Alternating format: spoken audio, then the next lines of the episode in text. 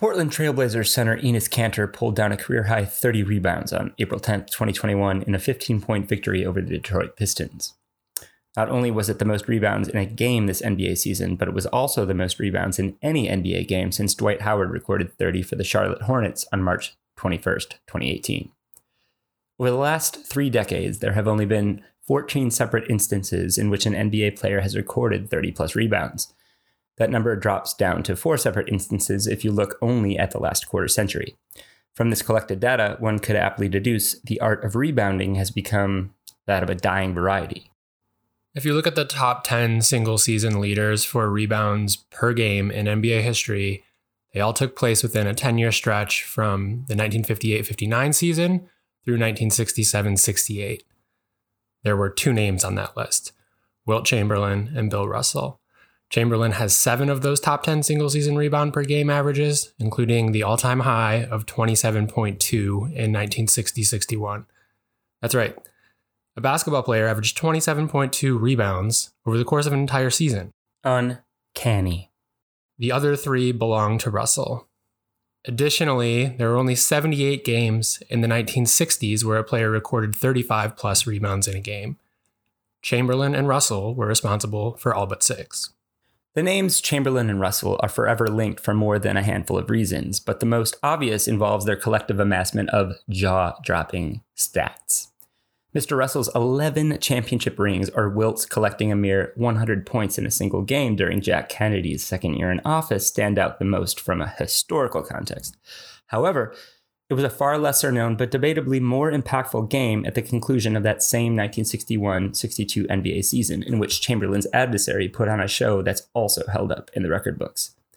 The date was April 18, 1962, and the two most storied franchises in NBA history were facing off in Game 7 of the 1962 NBA Finals the Boston Celtics and the Los Angeles Lakers. It was a game that certainly exemplified an era in which shots were fired aplenty and boards were grabbed at rates that would make Dennis Rodman look like Denis Leary. Now, there are probably two ways to look at this. The first is sentimentally.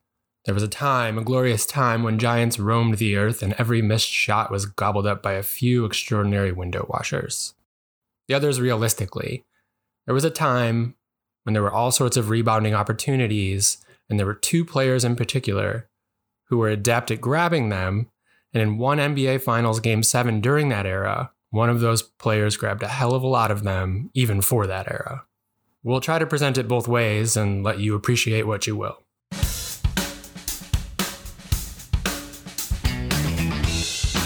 I'm Chris DeSalvo.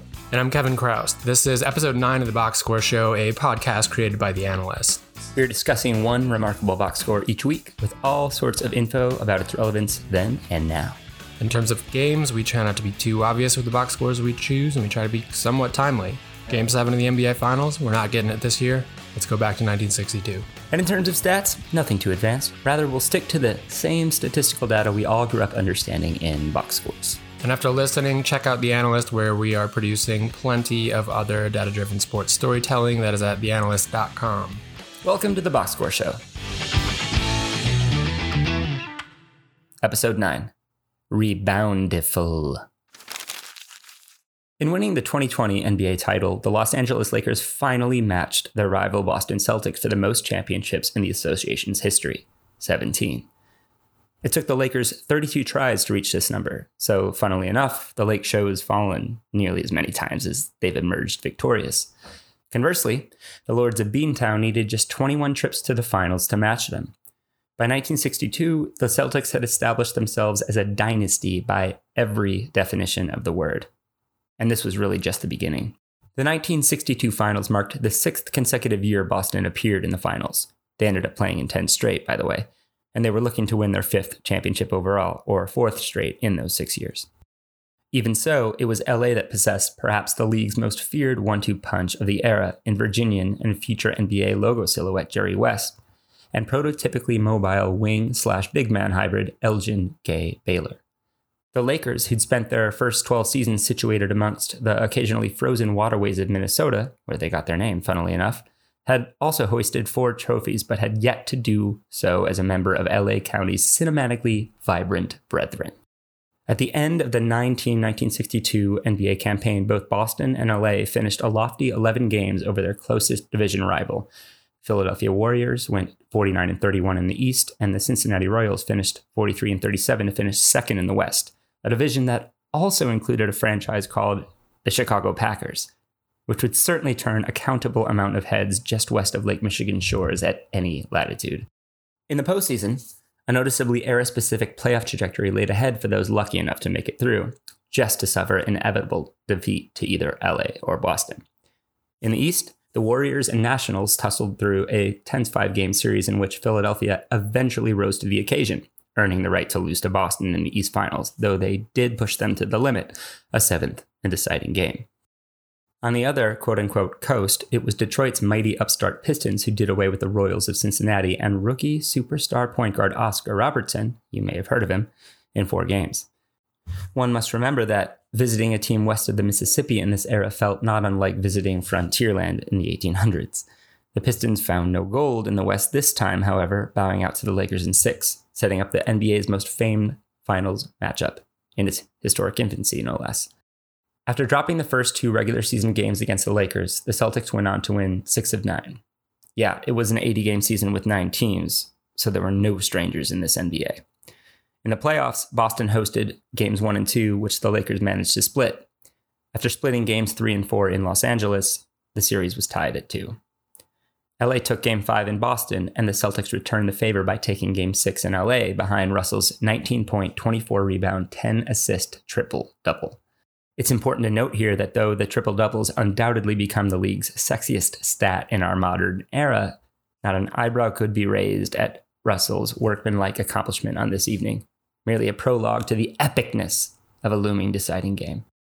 So, as it is often the case with legendary teams and legendary series, is the championship would be hoisted by whomever emerged victorious at the conclusion of Game 7.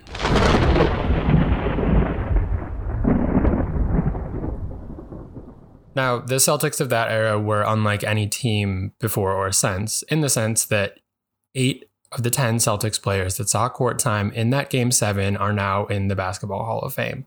Bill Russell, Bob Cousy, Sam Jones, Frank Ramsey, Tom Sanders, Tom Heinsohn, K.C. Jones, and Carl Braun.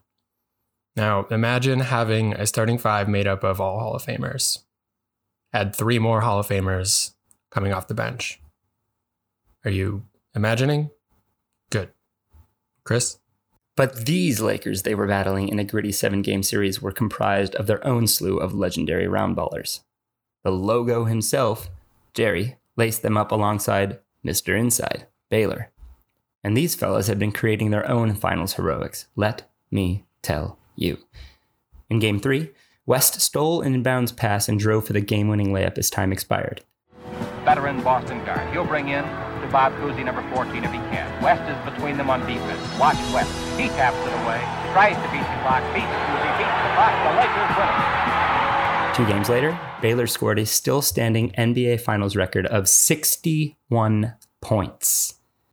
So, needless to say, the stage was set for an epic Game 7 to decide the 1962 NBA championship. It delivered on the hype. Okay, stop imagining. And let's talk about some of the cool AF lesser known names in this game that help us kind of date this game into a bygone era. For Los Angeles, Hot Rod Hundley, Howie Jolliff, Ray Felix, Rudy LaRusso.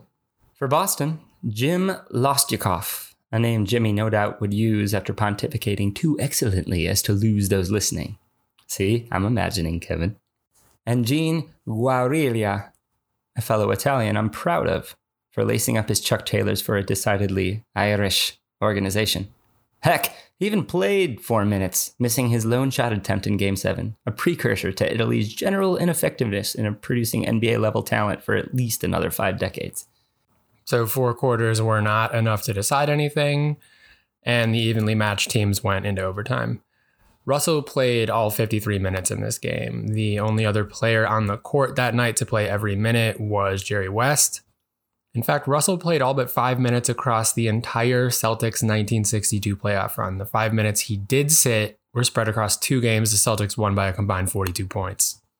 It ended with Boston's 110 107 overtime victory, a three point win in a game without a three point line.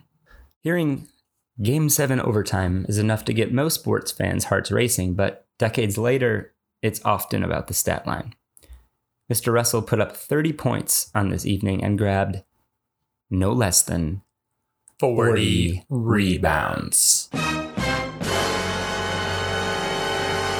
The legend had 30 points and 40, 40 rebounds. in a winner takes all overtime, game seven, with the NBA championship on the line. I am saying this again because it's freaking incredible. Through the first six games of the series, Russell was averaging 21.7 points and 24.8 rebounds. So, in a closeout game, he went a mere 15 rebounds above his series average. Russell's 40 rebounds is an NBA Finals single game record, and if that ain't enough to raise both your eyebrows, he managed to nab 19 of those in a single quarter. Okay, enough romance, Chris. But if ever there were a finals game made for such a performance, this was probably a prime candidate.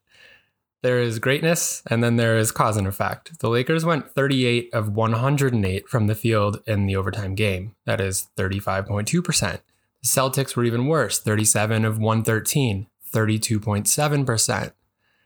This was one part bad shooting, but also one part the reality of the NBA in that time. The league wide 42.6% shooting in the 1961 62 season ranks 59th all time. And the 107.7 field goal attempts per team per game is the third highest ever. To compare that to the modern times, 88.4 field goal attempts in 2020 2021. The 37.1 free throw attempts per game back then is fourth highest. We're down to 21.8 in this season that we just got through. Teams averaged 61.7 rebounds per game back then. That is now down to 44.3 in today's game. So it was a golden era for rebounding opportunities. But knowing that, let's go ahead and celebrate a bit more by just talking about some of these big numbers. So much romance. The entire Celtics team had 82 rebounds in the game, meaning Russell accounted for 48.8% of his team's total boards. This was absolutely not the case throughout the regular season, during which Russell averaged 23.6 rebounds per game, which accounted for a mere 35.4% of Boston's total rebounds. Russell's 40 rebounds. while viscerally staggering, isn't as shocking when you look at his entire body of work and the nature of the game. There have been 105 games in NBA history with 35 plus rebounds by an individual. Chamberlain owns 53 of those, Russell has 35, and all other players to participate in the history of NBA basketball have combined for 17. A similar stat can be said for 40 plus rebound games. There have been 28 40 plus rebound games in NBA history. Chamberlain has 15, Russell has 11. There were two others. Nate Thurmond and Jerry Lucas have one each. Again, there were huge individual rebounding numbers in the late 1950s and throughout the 60s, but it really pops when you compare them to the decades that followed. Looking at the amount of 35 plus rebound games by decade, there were 23 in the 50s, 78 in the 60s, just three in the 1970s, and one in the 80s. That's it. That's the list. There hasn't been a 35 plus rebound game since Charles Oakley snagged 35 boards for the Chicago Bulls on April 22nd, 1988, just two days after my glorious eighth birthday party. Went bowling. Not a single game in the 90s, 2000s, 2010s, or 2020s produced a game in which a player recorded 35 plus rebounds. This might have something to do with Steph Curry and company giving the term range new meaning, insisting the development of expert shooters taking more and more shots from distance, extracting the trees further and further out from under the basket as the games evolved deeper into the 21st century. Another clutch aspect of Russell's Game 7 performance was his free throw shooting. Shout out Giannis. I know, not the two most exciting stats free throw shooting and rebounds, but Russell had a career free throw percentage of 56.1%. That improved slightly in 1961 62 when he made 59.5% of his free throws. But as is required by legends, Mr. Russell showed up when it mattered. In game seven, he made 14 of 17 from the line. His 14 made free throws in game seven tied his career high for made free throws in a single game, a feat he only repeated two other times in his 1,128 combined regular season and playoff games. It ended up being a three point game, so he certainly picked a good night for it. With the Game 7 win, the Celtics earned their fourth consecutive NBA championship and stayed on track for the eight straight they'd wind up winning.